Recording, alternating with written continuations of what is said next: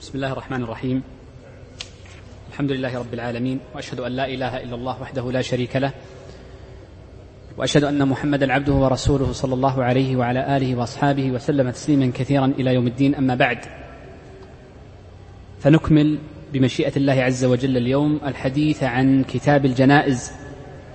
وكنا قد وقفنا في الدرس الماضي عند قول المصنف فصل فإنه جاء بهذا في هذا الفصل بالحديث عن الصلاة على الميت ثم فصل أحكام الصلاة على الميت وما يتعلق بذلك. والصلاة على الميت فرض كفاية. إذا فعله البعض ولو شخصا واحدا ذكرا كان أو أنثى سقطت به الفرضية وبقي في حق الجميع الندب. وهذه المسألة وإن لم يذكرها المصنف في هذا الموضع إلا أن لها تفريعا سيمر معنا بعد قليل. إذ أول من يصلي على الميت هم الذين تسقط بهم الفرضية. هم الذين تسقط بهم الفرضية. والصلاة الثانية والثالثة والرابعة عليه وما زاد عن ذلك إنما هي تعتبر ندبا تعتبر ندبا ويترتب عليها أحكام صلاة الندب العديد من الفروع ومنها ما سيذكره المصنف بعد قليل بمشيئة الله عز وجل. يقول الشيخ السنة أن يقوم الإمام عند صدره وعند وسطها. قول المصنف أن يقوم الإمام هذا من باب الإشارة للإمام وليس من باب النفي عن المنفرد. فإن الإمام والمنفرد في الحكم سواء فكلاهما يكون موضعه عند الصلاة على الميت كما ذكر المصنف رحمه الله تعالى. وإنما مفهوم قول المصنف الإمام المأمومون فإن المأمومين لا يشترط أن يكونوا عند هذا الموضع وإنما يتبعون الإمام ولو طال الصف وابتعدوا عن مسامتة عن مسامتة الجنازة عن مسامتة الجنازة. إذن هذه الجملة قول المصنف الإمام ليس خاصا به بل الإمام والمنفرد سواء. وإنما مفهومها متعلق بالمأمومين وحدهم فلا يشترط فيهم موضع محدد عند الصلاة. هذه مسألة. المسألة الثانية المهمة معنا وهي مسألة ما هو موقف المصلي سواء كان إماما أو منفردا. أما المأموم فلا فإنه لا موقف له وإنما يكون موقفه متعلق بإمامه فإن إمامه يتحمل عنه هذا الموضع. فإن الإمام يتحمل عن هذا الموضع. ما هو موقف الإمام والمنفرد عند الصلاة على الجنازة؟ نقول إن موقفه له أربع حالات. حالة هي السنة وحالة جائزة ولكنها خلاف الأولى وحالة تكره الوقوف عندها ولكن الصلاة صحيحة والحالة الرابعة لا تصح عندها الصلاة. نبدأ بالحالة الأولى وهي السنة التي ذكرها المصنف في كلامه.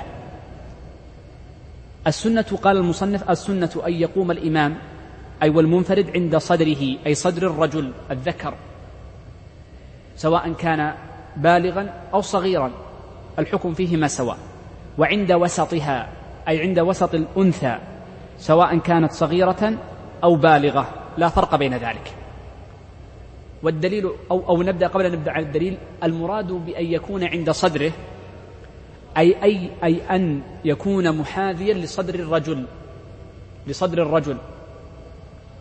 والأقرب أن يكون لأعلى الصدر الأقرب لموافقة السنة أن يكون لأعلى الصدر فيكون محاذيا للصدر والمنكبين ومقدم الرأس. والدليل على استحباب هذا الأمر ما جاء عن عبد الله بن مسعود رضي الله عنه أنه ذكر أن السنة أن يقوم المصلي عند صدر الرجل عند صدر الرجل.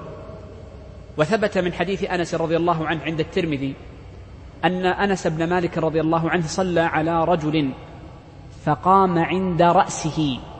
انظر فقام أنس عند رأسه. وصلى ثم أتيت له بجنازة امرأة فقام في وسطها. فقال العلاء بن زياد رضي الله عنه لهكذا رأيت النبي صلى الله عليه وآله وسلم يفعل. ففعل أنس رضي الله عنه حينما قام عند رأس الرجل معناه مثل قولنا إنه قام عند صدره. مثل قول ابن مسعود إنه قام عند صدره. لأني ذكرت لكم قديما قاعدة في التلفيق أن تلفيق الأفعال مقبول وأما تلفيق الأقوال فإنه ليس بمقبول. تلفيق الأفعال مقبول. ألم نقل في التكبير؟ ورد عند المنكبين وورد عند الأذنين. فالتلفيق بينهما ماذا؟ أن تجعله وسطا بينهما بحيث أن الرائي لك يظن أنك محاذ لمنكبيك وفي نفس الوقت محاذ لأطراف أذنيك.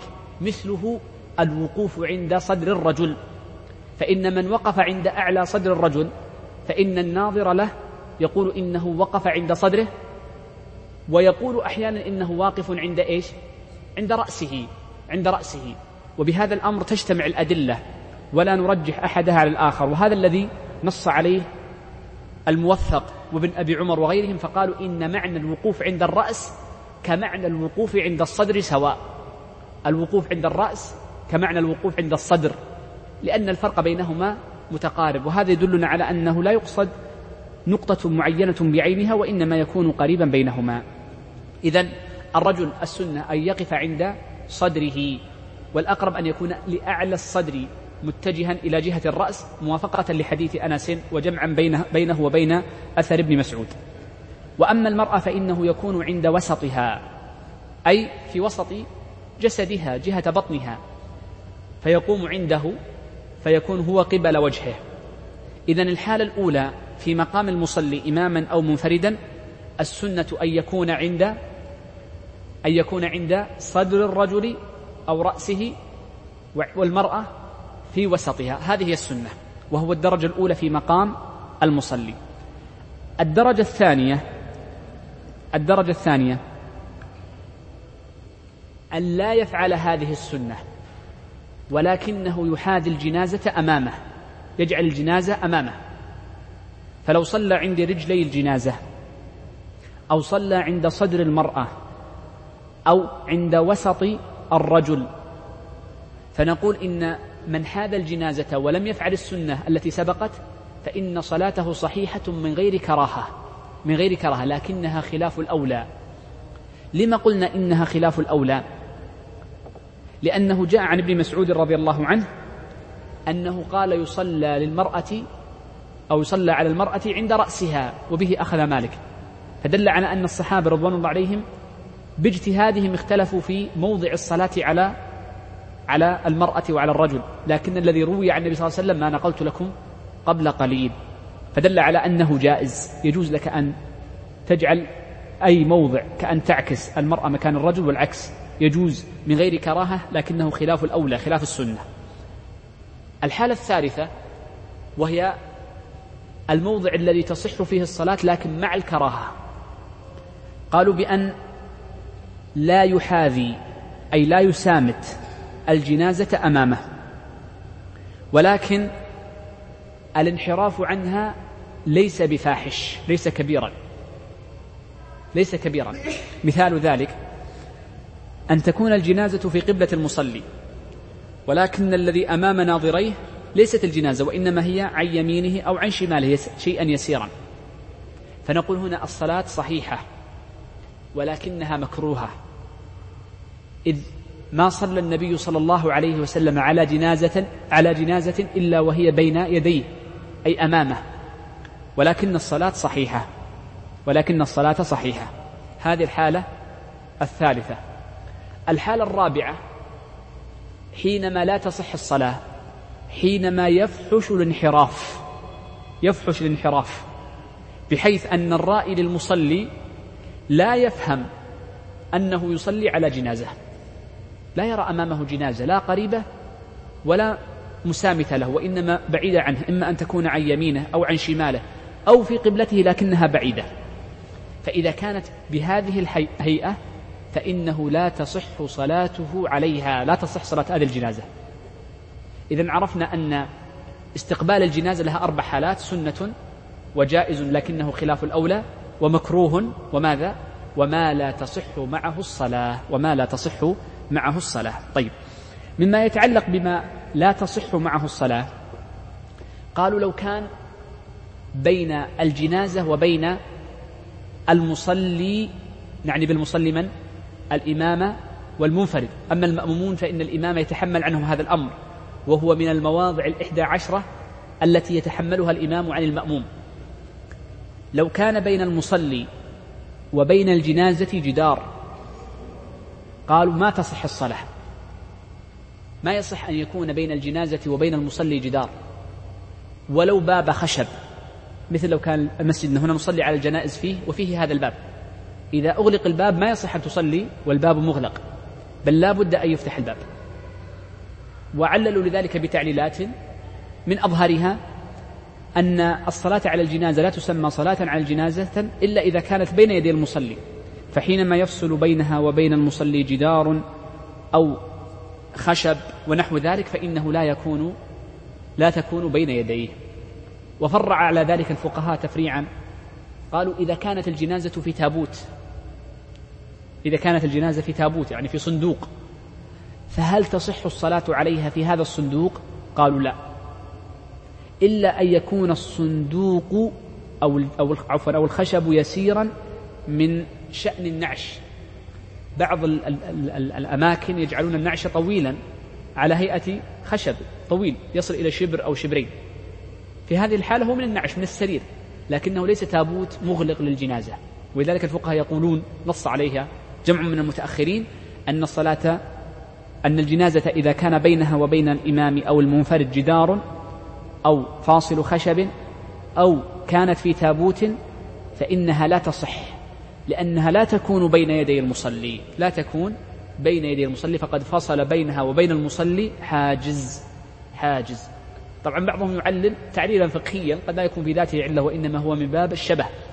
فيقولون إن الجنازة أمام المصلي كالإمام أمام المأمومين فيشترط أن لا يكون هناك بعد وأن تكون هناك يعني نظر لها يعني مسامة وعدم البعد الفاحش. الأمر الثالث أن لا يكون هناك بينهم فاصل من جدار ونحوه. طيب. نعم. إذا عرفنا هنا المسألة الأولى وهي مسألة موضع الإمام والمنفرد عند الصلاة على الجنازة والدليل على ذلك. بقي عندنا مسألة تتعلق بهذه الجملة وهي إذا كان المتوفى والجنازة ليس ذكرا ولا أنثى وهو الخنثى من كان عنده آلتان آلة الذكر وآلة الأنثى. فيقولون هنا هل يصلى عليه؟ أو هل يكون موضع المصلي كموضع الذكر أو كموضع الأنثى عند صدره أو عند وسطه؟ قالوا يؤخذ الوسط. فيكون بين صدره وبين وسطه في النصف في النصف. لاحتمال أن يكون ذكرا والاحتمال أن يكون أنثى. نعم. يقول الشيخ ويكبر أربعا. التكبير أربعا هو الثابت من فعل النبي صلى الله عليه وسلم حينما صلى على النجاشي رضي الله عنه ورحمه. وهو الثابت عن أغلب الصحابة رضوان الله عليهم. ولذلك كان الإمام أحمد يقول هو الأكثر من فعل النبي صلى الله عليه وسلم أنه صلى على الجنازة وكبر عليها أربع تكبيرات. وهذه التكبيرات الأربع واجبة. فمن أخل بتكبيرة من هذه التكبيرات الأربع عامدا أو ناسيا بطلت صلاته كما سيأتي معنا. أما الزيادة على هذه الأربع فإنه قد وردت به السنة وسنتكلم عنه في الواجبات متى تكون ومتى يعني وما الذي يقال فيها في محلها بمشيئة الله عز وجل. ولكن نعرف أن هذه الأربع هي, هي الاقتصار عليها هو الأفضل وهي الواجبة والزيادة عليها جائز ولكن الأفضل الاقتصار على الأربع لأنه أكثر ما ورد عن النبي صلى الله عليه وسلم. قال يقرأ في الأولى. أي يقرأ بعد التكبيرة الأولى. يقرأ بعد التكبيرة الأولى. والتكبيرة الأولى تسمى تكبيرة الإحرام. فينوي بها الدخول في صلاة الجنازة. قال يقرأ فيها بعد التعوذ الفاتحة. قول الشيخ يقرأ بها بعد التعوذ الفاتحة. نفهم من هذه الجملة مسائل. المسألة الأولى أن الفاتحة يجب قراءتها وسيأتي الاستدلال عليه إن شاء الله عندما نعدد الواجبات. والمسألة الثانية أن الشيخ قال يقرأ بعد التعوذ فدل على أنه لا يقرأ قبل التعوذ شيئا. فدعاء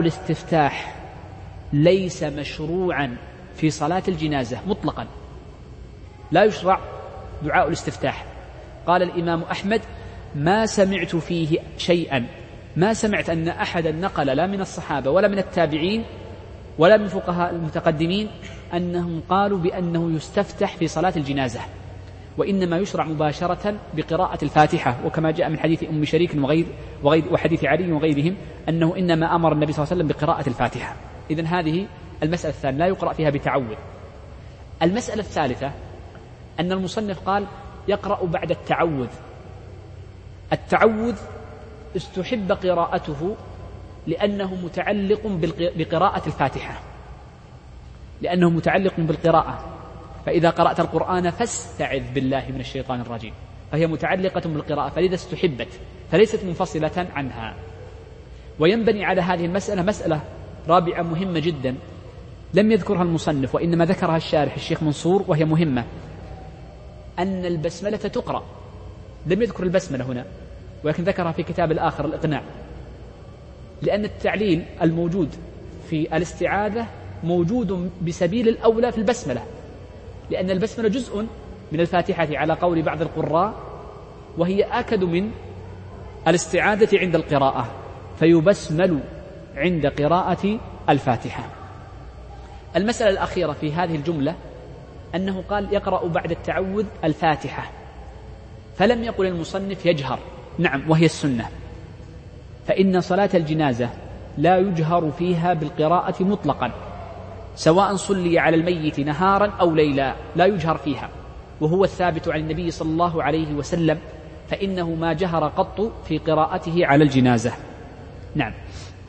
يقول الشيخ ويصلي على النبي صلى الله عليه وسلم في الثانية كالتشهد. سيأتي إن شاء الله دليل على وجوب الصلاة على النبي صلى الله عليه وسلم عند ذكر الواجبات. ولكن قول المصنف في الثانية أي بعد التكبيرة الثانية بعد التكبيرة الثانية فيصلي على النبي صلى الله عليه وسلم كالتشهد تتذكرون عندما قلنا في صفة الصلاة أن الصلاة على النبي صلى الله عليه وسلم واجب فيها أليس كذلك؟ بل هو ركن ذكرنا هناك أن الصلاة على النبي صلى الله عليه وسلم له صيغة صفة أن لها صفتين. صفة إجزاء وهي أقل ما يصلى على النبي صلى الله عليه وسلم في الصلاة. فهل يتذكر أحد هذه الصيغة؟ هي ثلاث كلمات. اللهم صل على النبي اللهم صل على محمد أو صلى الله على محمد.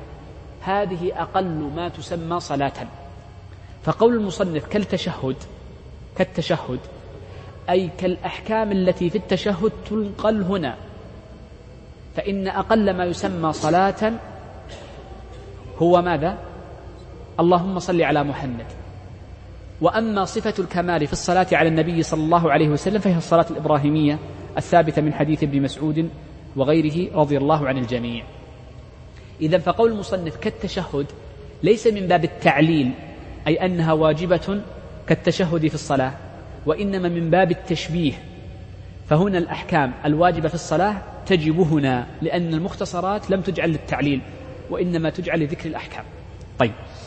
يقول الشيخ ويدعو في الثالثة. أي بعد الثالثة فيقول اللهم اغفر لحينا وميتنا. الدعاء في صلاة الجنازة واجب من واجباتها. بل لربما كان من آكد واجباتها كما قال الشيخ تقي الدين, الشيخ تقي الدين. فإنه ذكر أن صلاة الجنازة إنما جعلت للدعاء. فمن لم يدعو فإنه لم يصلي على الجنازة فلا تصح صلاته فلا بد أن يدعو. وسيمر معنا أن أقل ما يسمى دعاء أن يدعو للميت بالمغفرة. بأقل ما يسمى دعاء كان يقول اللهم اغفر له أو أن يقول اللهم ارحمه فإنه سقط عنه الواجب كما سيمر معنا. ولكن يفيدنا هنا مسألة. أن المصنف رحمه الله تعالى ذكر أدعية كثيرة. وهذه الأدعية ليست واجبة فإنه يجوز للمصلي أن يدعو بما شاء. ادعو بما شئت في صلاة الجنازة. والدليل على ذلك أنه جاء عن بعض الصحابة أنه قال لم يوقت لنا النبي صلى الله عليه وسلم في الجنازة دعاء. قال الإمام أحمد أخذ نفس الأثر؟ فقال لا يوقت في صلاة الجنازة دعاء. يعني ليس واجب فيه دعاء معين. الصلاة يجب فيه الدعاء بالمغفرة بين السجدتين مثلا. وقت فيه. لأن أمر النبي صلى الله عليه وسلم أن تقول كذا. أما في الجنازة فلم يوقت. ولذلك جاء من حديث بريدة وعائشة ومن حديث أبي هريرة وغيرهم أدعية كثيرة عن النبي صلى الله عليه وسلم في في في في فيما يدعى للميت. مما يدل على أنه لا يلزم دعاء معين بخصوصه ولكن أقل ولكن يجب على المصلي أن يدعو بأقل الدعاء ولو أن يقول اللهم اغفر له أو أن يقول اللهم ارحمه أو اعفو عنه أو نحو ذلك من الأدعية لكن يجب أن يدعو ولو بدعاء واحد. يجب وجوبا لأن أصلا الجنازة إنما جعلت للدعاء.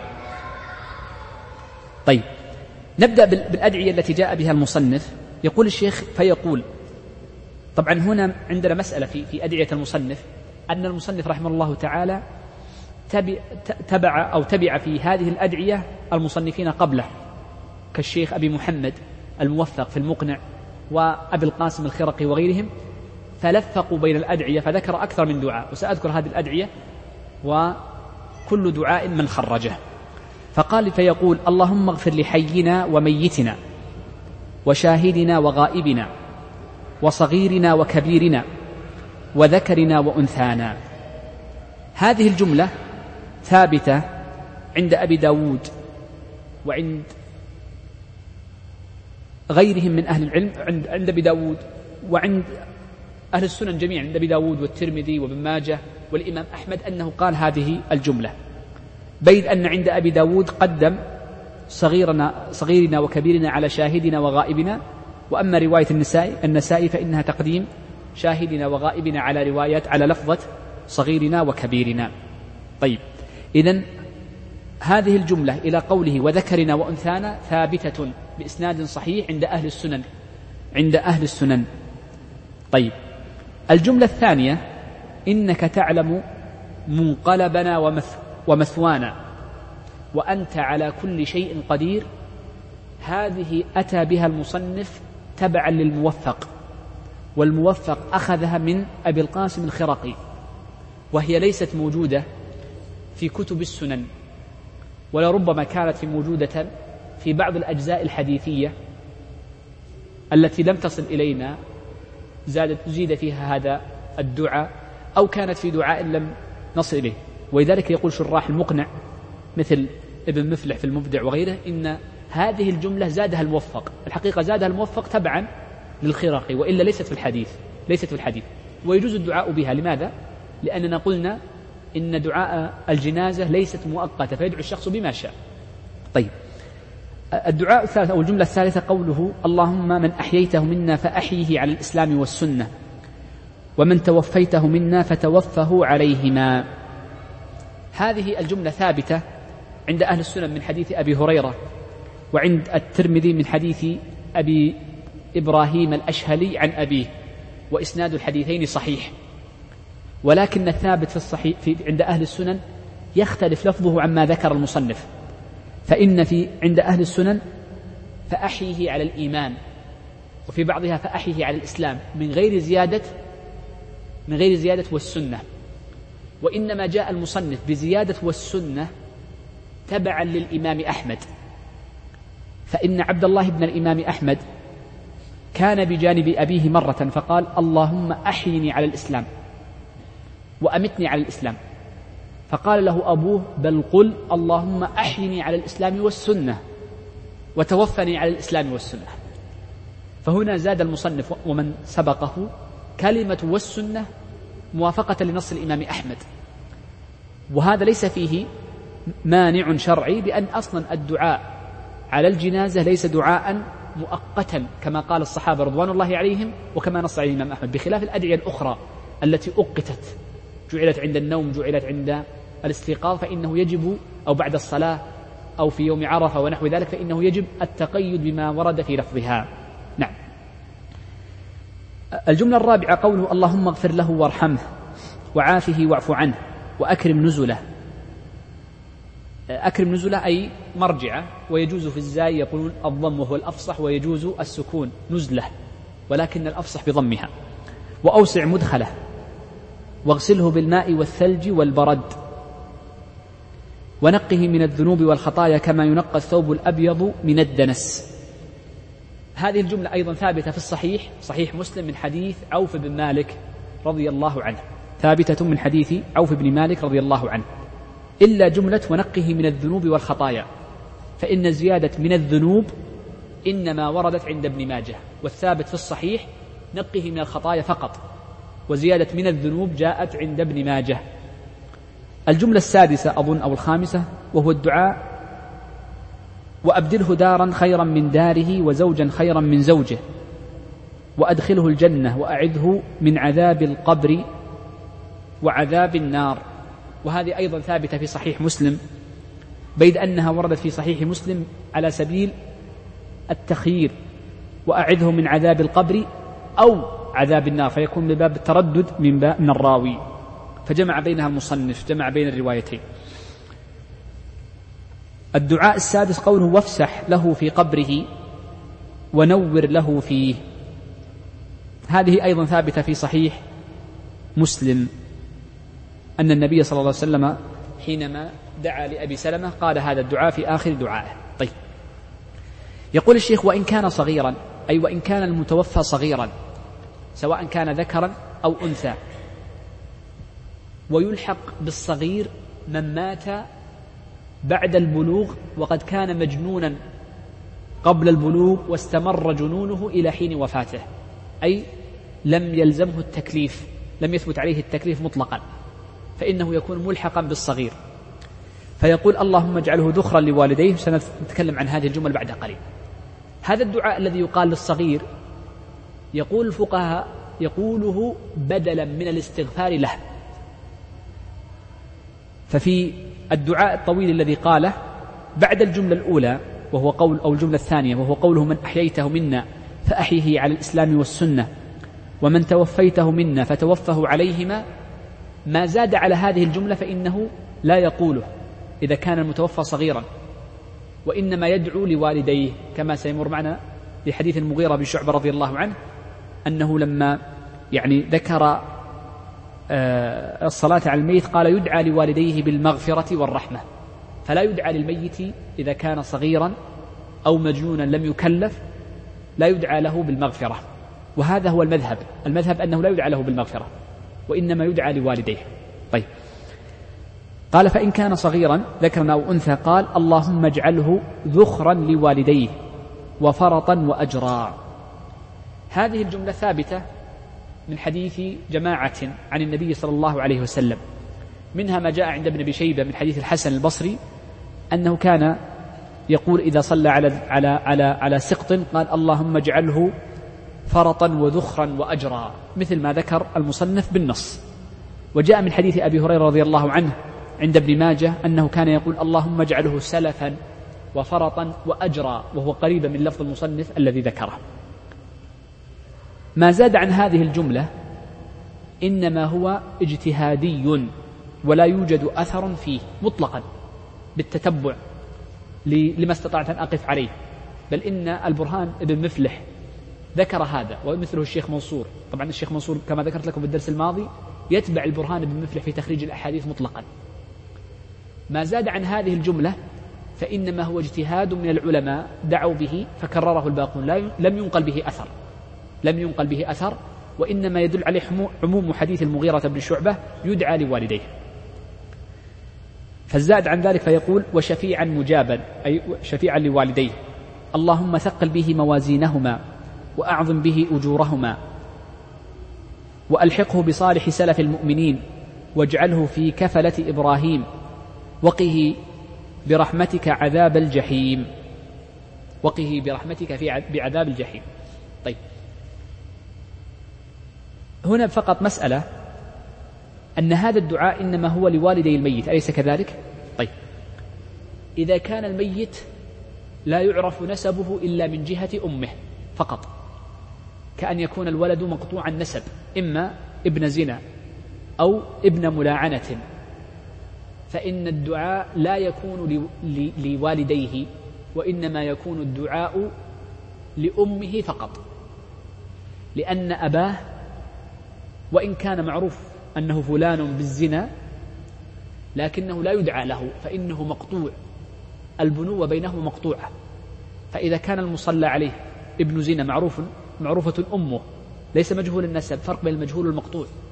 معروفة أمه لكن سبب الولادة زنا أو أنه من ملاعنة لاعن لاعن المرأة زوجها فأصبحت ملاعنة. فإنه يدعى للفرق لهذا السقط لأمه فيقال اللهم اجعله ذخرا لوالدته اجعله ذخرا لوالدته وهكذا. هذه مسألة. المسألة الثانية في الدعاء أيضا لو جهل إسلام أبويه. قالوا فإنه يدعى لمواليه وهذا في الزمن الأول. إذ مشهور المذهب وانتبهوا هذه المسألة من مفاريد المذهب أن المذهب أن من مات. إذا كان يعني السبي رجل عنده سبي أو عنده مولى أب وأم. يعني يملك يملك عفوا يملك عبد يملك عبدا وأمة. شوف يملك عبدا وأمة. فمات العبد والأمة وعندهم ابن. إذا مات الأب والأم فالمذهب أنه يحكم بإسلام الابن مطلقا. يحكم بأنه مسلم. فإذا كبر وقال أريد أن أذهب على دين والدي حكم بردته. لأن أباه وأمه مملوكان لمسلم. لكن لو كان حيين فإن الابن يتبع والديه في الديانة. هذه واحدة.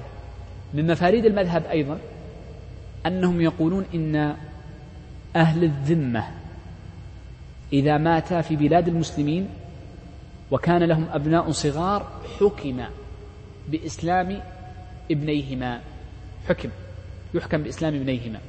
وهذه صار فيها قضية للعليمي قاضي القدس. فإنه كان يحكم بها خلافا للمذاهب الأخرى وأصبح فيه إشكال بينه وبينهم بسببه أقيل من قضاء القدس بيت المقدس في القرن الثامن أو التاسع الهجري وكان قاضي الحنابلة في بيت المقدس.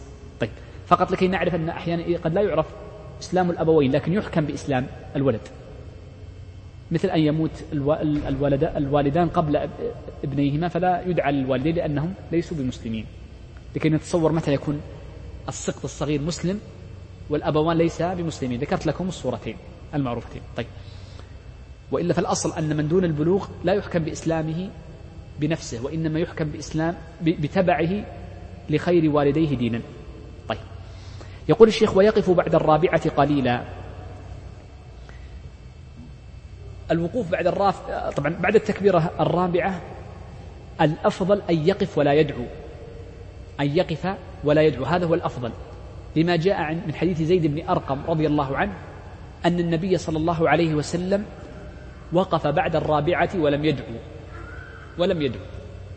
لكن الفقهاء يقولون يجوز له أن يفعل بعد الرابعة واحدا من أمرين. إما أن يدعو بدعاء عام لأنه جاء من حديث ابن أبي أوفى فيقول بعد الرابعة يجوز باب الجواز لكن الأفضل أن يسكت. فيقول بعد الرابعة ربنا آتنا في الدنيا حسنة وفي الآخرة حسنة وقنا عذاب النار. قالوا لأنه جاء من حديث ابن أبي أوفى رضي الله عنه. قالوا ويجوز له أن يؤمن على دعائه بعد الثالثة. يجوز. يجوز له أن يؤمن. إذن هذان الأمران جائزان في الرابعة. ولكن الأفضل والأتم أن يسكت. لكن لو دعا أو أمن اللهم استجب. يقول آمين آمين على دعائه هو فإنه في هذه الحالة لا يكون قد فعل أمرا منهيا عنه. يقول الشيخ ويسلم واحدة. التسليم واحدة هو الثابت والأصل. وقد قال الإمام أحمد فيه عن ستة من الصحابة رضوان الله عليهم أنهم إنما سلموا تسليمة واحدة. قال وليس فيه اختلاف قال لا خلاف وهذه المسائل القليلة التي عد نفى فيها الإمام أحمد الخلاف. قال لا خلاف أنه لا يسلم على الجنازة إلا تسليمة واحدة. قال عن يمينه. فالسنة أن يلتفت في تسليمه ولا يلزم الالتفات. فيجوز أن يسلم قبل وجهه. فيقول السلام عليكم ورحمة الله. قبل وجهه. ويجوز له أيضا أن يأتي بلفظ السلام من غير زيادة ورحمة الله. فيقول السلام عليكم. ولو من غير التفات إذا الالتفات اليمين والزيادة ورحمة الله هي سنن والواجب إنما هو التسليم واحدة. وقد ثبت ذلك عن ستة من الصحابة قال أحمد ليس فيه اختلاف أي بين الصحابة رضوان الله عليهم. قال ويرفع يديه مع كل تك مع كل تكبيرة. ورفع اليدين مع كل تكبيرة. أما تكبيرة الإحرام فإنها باتفاق العلماء وبإجماعهم أنها ترفع بلا خلاف. وأما التكبيرات الثلاث الزائدة أو أو التكبيرات يعني ما بعد تكبيرة الإحرام ليست زوائد وإنما ما بعد تكبيرة الإحرام فقد ثبت رفع اليدين فيها عن ابن عمر رضي الله عنهما وعبد الله بن عباس وعدد كبير من التابعين رضوان الله عليهم. وروي فيه حديث مرفوع من حديث ابن عمر أن النبي صلى الله عليه وسلم كان يرفع يديه لكنه ضعيف. والقاعدة فيها تذكرون القاعدة ذكرت لكم في رفع اليدين أن كل تكبير لا يسبقه ولا يلحقه سجود فإن اليدين ترفعان فيها ترفعان فيها فهي ترفع. وهذه مندرجة تحت القاعدة وقد وردت بها السنة عن الصحابة رضوان الله عليهم. نعم. يقول الشيخ وواجباتها.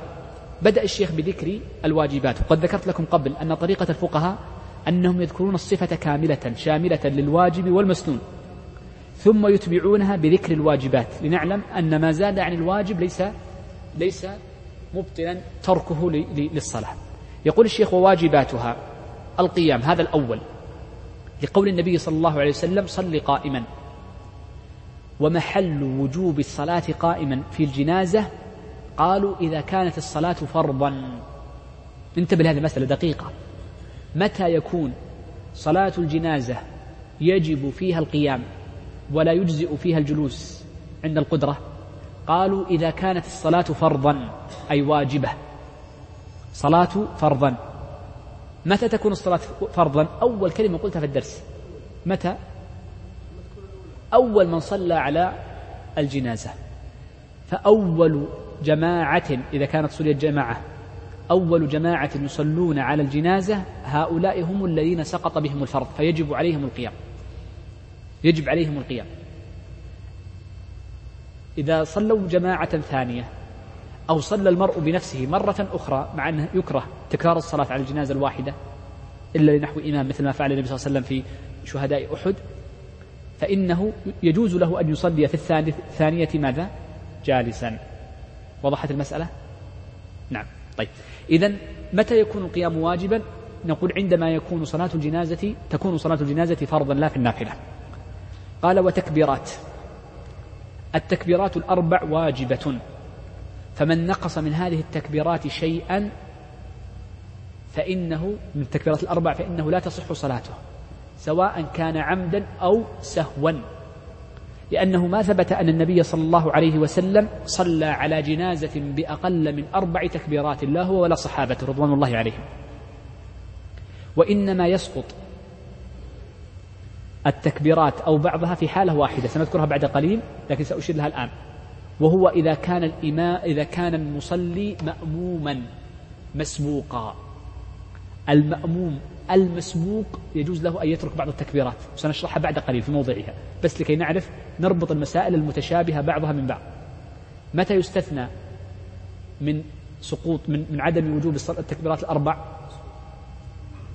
المأموم إيش؟ المسبوق فيجوز له أن يكبر أقل كما سيأتي. متى يسقط عدم استقبال الجنازة بين يديك؟ إذا كان الشخص مأموما. أيضا في سورة ثانية ما ذكرت لكم؟ الصلاة على الغائب ستمر معنا. فالصلاة على الغائب وعلى القبر والمأموم لا يلزم أن يكون بين يديه. لا يلزم أن يكون بين يديه. وضحت المسألة. إذا التكبيرة الواجبة أربع. ما زاد عن الأربع روي عن النبي صلى الله عليه وسلم أنه وثبت أنه صلى خمسا بخمس تكبيرات وست وسبع ولم يصح مطلقا ما زاد عن سبع لأن سبع فيها خلاف في صحتها. الفقهاء يقولون السنة أن تصلي أربعا لا تزيد إلا أن يكون من باب التبع فتتبع الإمام. إذا كبر الإمام خمسا فكبر خمسا. وإذا كبر ستا فكبر ستا. وإذا كبر سبعا فكبر سبعا. بعض الناس يقول إنما تتابعه إلى الخمس بعض المتأخرين وبعضهم يقول إلى السبع. فمن باب التبع. وإلا فالأفضل ألا تكبر إلا أربعا كما فعل النبي صلى الله عليه وسلم. طيب. قال والفاتحة. الفاتحة تدل على أنها تقرأ حديث أم شريك رضي الله عنها عند ابن ماجه أنها قالت أمرنا النبي صلى الله عليه وسلم أن نقرأ على الجنازة بفاتحة الكتاب. أمرنا. فدل على أن الأمر للوجوب. أمر للوجوب. طيب. قال والصلاة على النبي صلى الله عليه وسلم. والدليل على أن الصلاة على النبي صلى الله عليه وسلم واجبة في الجنازة ما روى أبو داود أن النبي صلى الله عليه وسلم قال إذا صليتم على الميت. لا هذا في الدعاء. فأخلصوا له في الدعاء هذا في الدعاء. قالوا قياسا على الصلاة الفريضة. القياس على الصلاة الفريضة فكما أن الصلاة على الفريضة يجب فيها الصلاة على النبي صلى الله عليه وسلم فهنا يكون واجبا. وقد جاء قد جاء من حديث ابن عباس وغيره أن النبي صلى الله عليه وسلم صلى عليه. قال والأمر الرابع دعوة ودعوة للميت. الأمر الرابع من واجبات الصلاة أنه يجب أن يدعى الميت لما ذكرت لكم قبل قليل من حديث أبي داود النبي صلى الله عليه وسلم قال إذا صليتم على جنازة فادعوا لها فادعوا لها أو فأخلصوا لها في الدعاء. قال والسلام لعموم قول النبي صلى الله عليه وسلم وتحليلها السلام. وعرفنا أن أقل ما يسمى سلاما هو ماذا؟ هو استقبال هو هو قول السلام عليكم من غير زيادة ولا يلزم الالتفات. وأقل ما يسمى دعاء ماذا؟ ولو جملة واحدة اغفر له ارحمه اختر أي جملة فيها دعاء للميت لكن يجب أن يدعى للميت يجب أن يدعى للميت. نعم. يقول الشيخ ومن فاته شيء من التكبير قضاه على صفته. من الذي يفوته شيء من التكبير؟ هو المأموم. المأموم إذا دخل في صلاة الجنازة وكانت جماعة فدخل معهم وقد فاته بعض من التكبير تكبيرة أو تكبيرتان أو ثلاث أو أربع. فإنه يستحب ولا يجب يستحب له أن يقضي هذا التكبير. على صفته على صفته أي كما فاته. القاعدة خليني أذكر لكم قاعدة يعني سأبني عليها الآن مسألة ثم سأذكر لكم الدرجات الثلاث. هناك قاعدة ذكرتها لكم في أحكام الإمامة والإمامة والائتمام المأموم عموما في كل صلاة تذكروا معي من باب الاستذكار. المأموم إذا دخل مع إمامه وكان مسبوقا الذي أدركه مع إمامه هل هو أول صلاته أم آخرها على المذهب؟ لا لا. أوله ولا آخرها. على المذهب هو آخرها. أحسنت. ليس أولها. أنت قلت أولها. لا هو آخرها. وينبني على ذلك. بسم باب الاسترجاع. لكي نربط المسائل. لو كان دخل شخص مع الإمام في الركعة الثانية أو الثالثة خلينا نقول في الركعة الثالثة من المغرب. في الركعة الثالثة من المغرب. فعلى المذهب كم فات من ركعة؟ فاتته ركعتان. كيف يأتي بهاتين الركعتين؟ مثل ما فاتته تماما يصليها متصلة لا يجلس بينها. هذا هو المذهب. وذكرت لكم الرواية الثانية ربما نفصلها إن شاء الله بعد الدرس إن شئتم. أنتم وضحت معنا أن الإمام ما أدركه مع أن المأموم ما أدركه مع إمامه هو آخر صلاته؟ واضح معنا. وما فاته هو إيش؟ هو أولها. ينبني على ذلك أنه, ما أنه يقضي كما فاته. نفس الشيء هنا في صلاة الجنازة. نفس الشيء في صلاة الجنازة. إذا فاتك مع, مع الإمام تكبيرة واحدة وأدركت الإمام وهو في التكبيرة الثانية التكبيرة الثانية ماذا يقول فيها؟ يصلي. هنا تصلي أنت. لا تقرأ فاتحة. صلي. ثم ادعو. ثم إذا سكت في الرابعة اسكت. فإذا سلم استحب لك أن تكبر تكبيرة وتقرأ بها الفاتحة. وضحت المسألة. هذا المذهب. طيب. المسبوق. لحظة شوي. سب. الآن بتكلم عنها. أبشر من عيني الثنتين. الآن سأتكلم عن حمل الجنازة. نقول المسبوق له حالات في قضاء ما فاته. الحالة الأولى بهذا الترتيب وهو أفضلها. قالوا أن يقضي ما فاته على الصفة التي فاتته. أن يقضي ما فاته على الصفة التي فاتته. كيف ذلك؟ إذا فاتته التكبيرة يقضي التكبيرة بالقراءة التي فيها. تكبيرتان يكبر التكبيرة فيقرأ والثاني يصلي.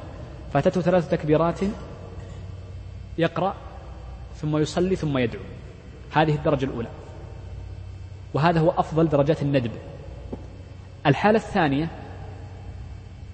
يجوز له وهو مندوب لكن الندب أقل أن يقضي التكبيرات من غير الذكر الذي يقال فيها وإنما يكون ذكر تكبيرات متتابعة. تكبيرات متتابعة. فيقول الله بعد السلام أدرك مع الإمام كم؟ تكبيرة الدعاء فيدعو ثم يسكت ثم يقول الله أكبر الله أكبر الله أكبر. فقط تكبيرات إن فاتت تكبير تكبيرتان فيقول الله أكبر مرتين. في فيكبر تكبيرتين فقط.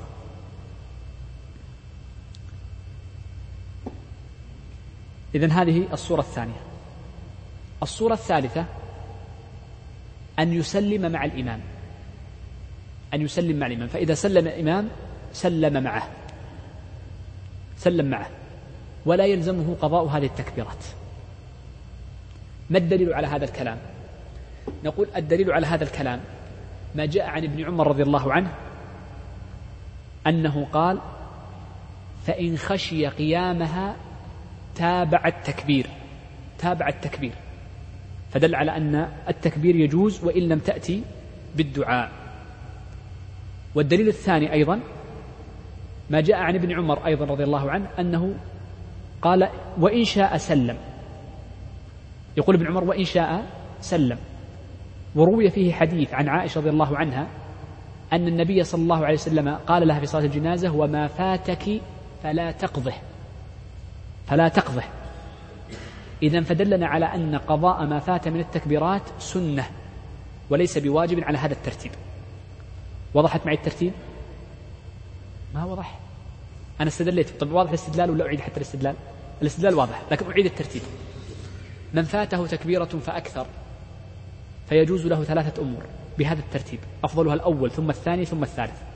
الأولا أن يقضي التكبيرات مع الدعاء الذي فاته فيها أو الذكر سواء كان فاتحة فيكبر ويقرأ الفاتحة أو يكبر فيقرأ الفاتحة ثم يكبر ويقرأ الدعاء.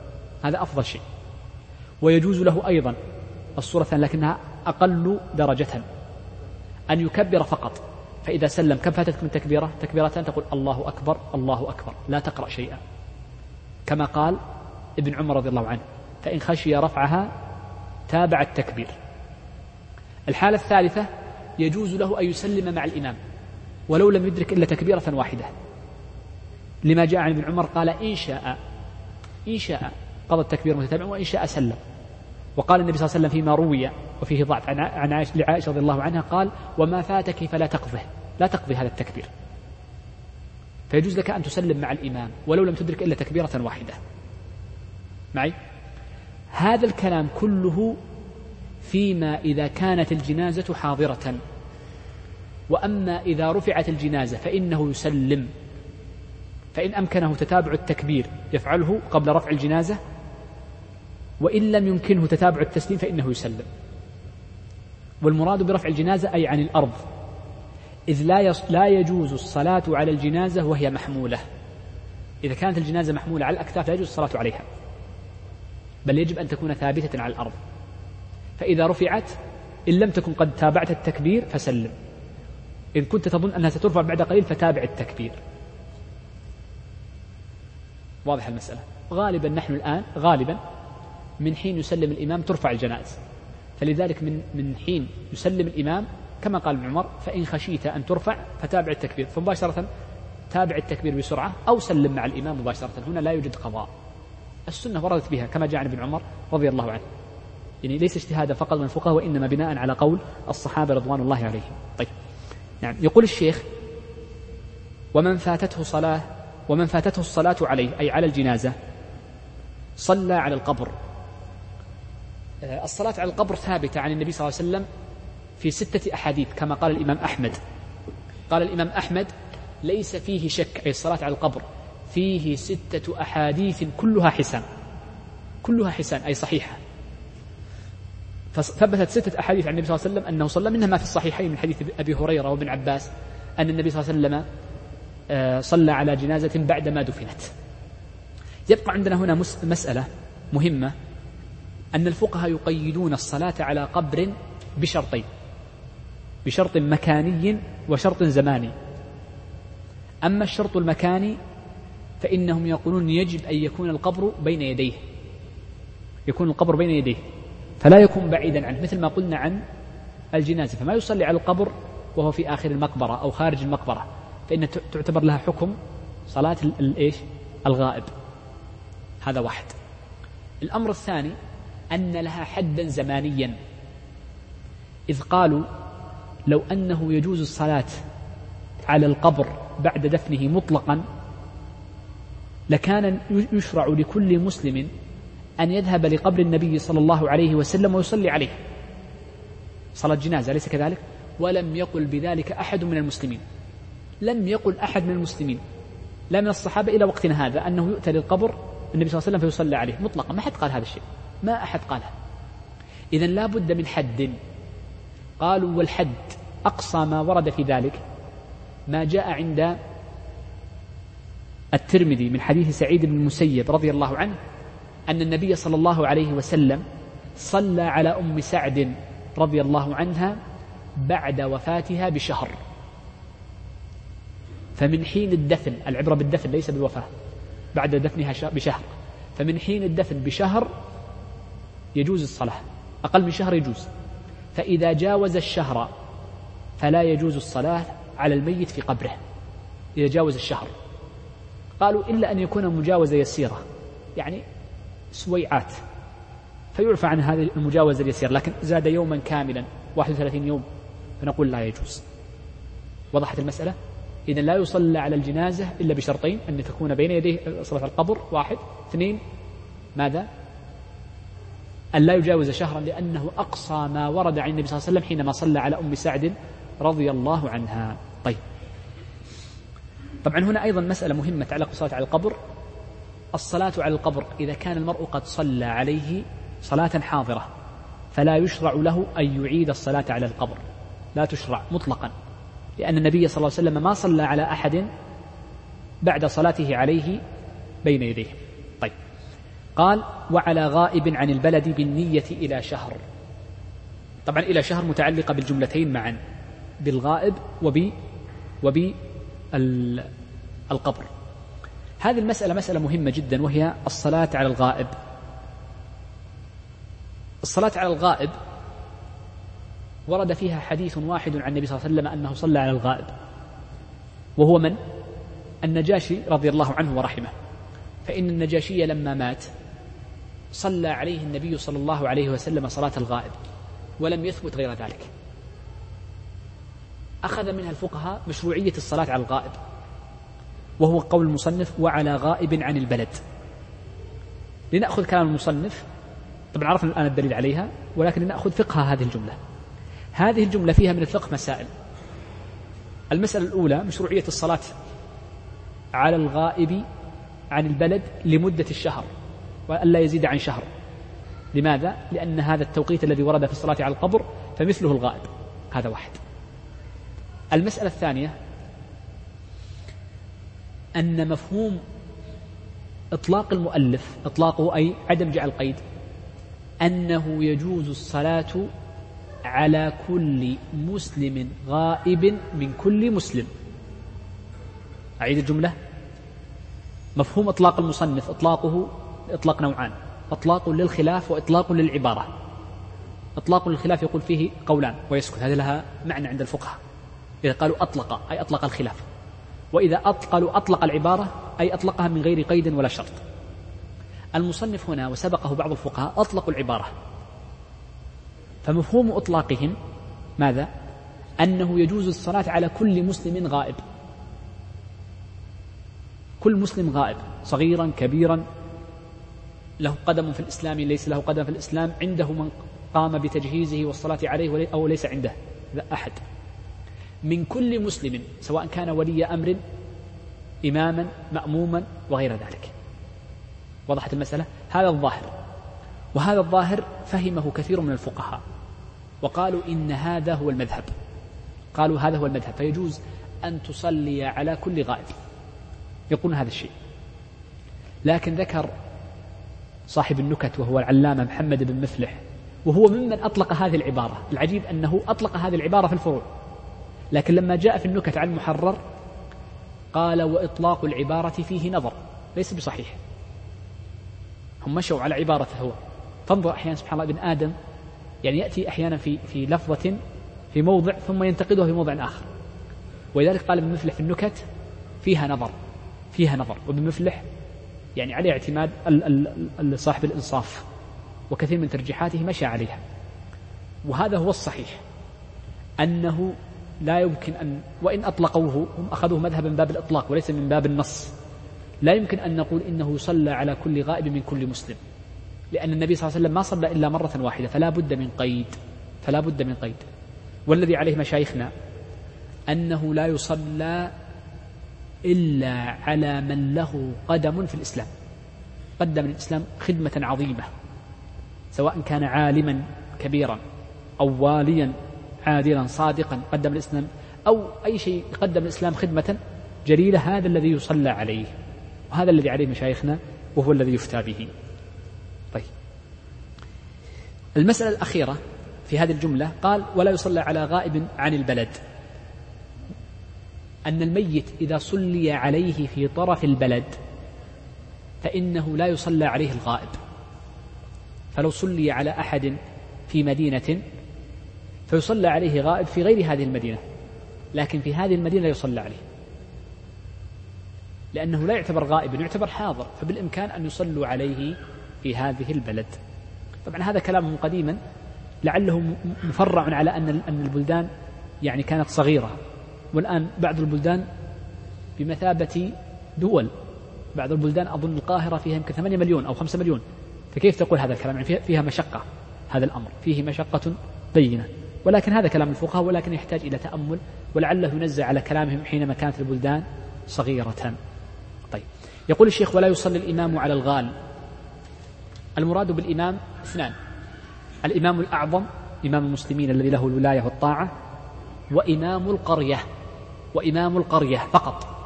يعني أكبر من يكون في القرية رئيسها الذي يصلي بهم دون باقي الأئمة.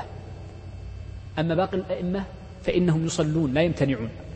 والسبب قالوا لأن الامتناع من الصلاة على هؤلاء من باب التعزير.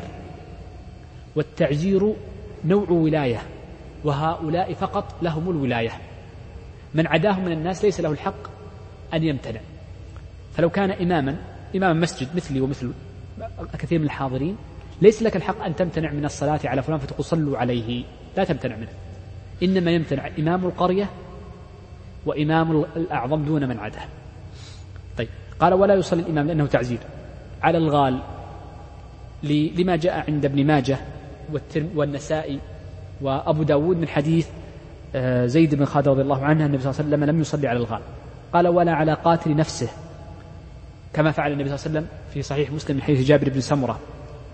قال ولا بأس بالصلاة عليه أي على الجنازة في المسجد. لما ثبت في صحيح مسلم من حديث عائشة أن النبي صلى الله عليه وسلم صلى على سهل بن بيضاء في المسجد. طبعا يقيدون هذا الفعل ما لم يتأذى المسجد من النجاسات ونحوها.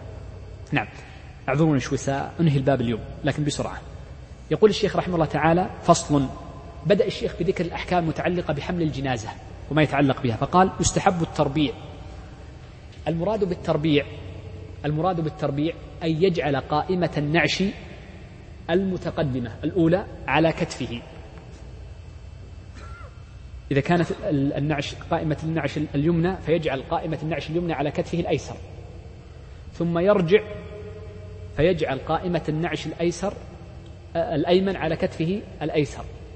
ثم يأتي فيفعل بالجهة الأخرى مثل ذلك. هذا هو التربيع. يعني أن يدور على الجهات الأربع فيحمله من الجهات الأربع.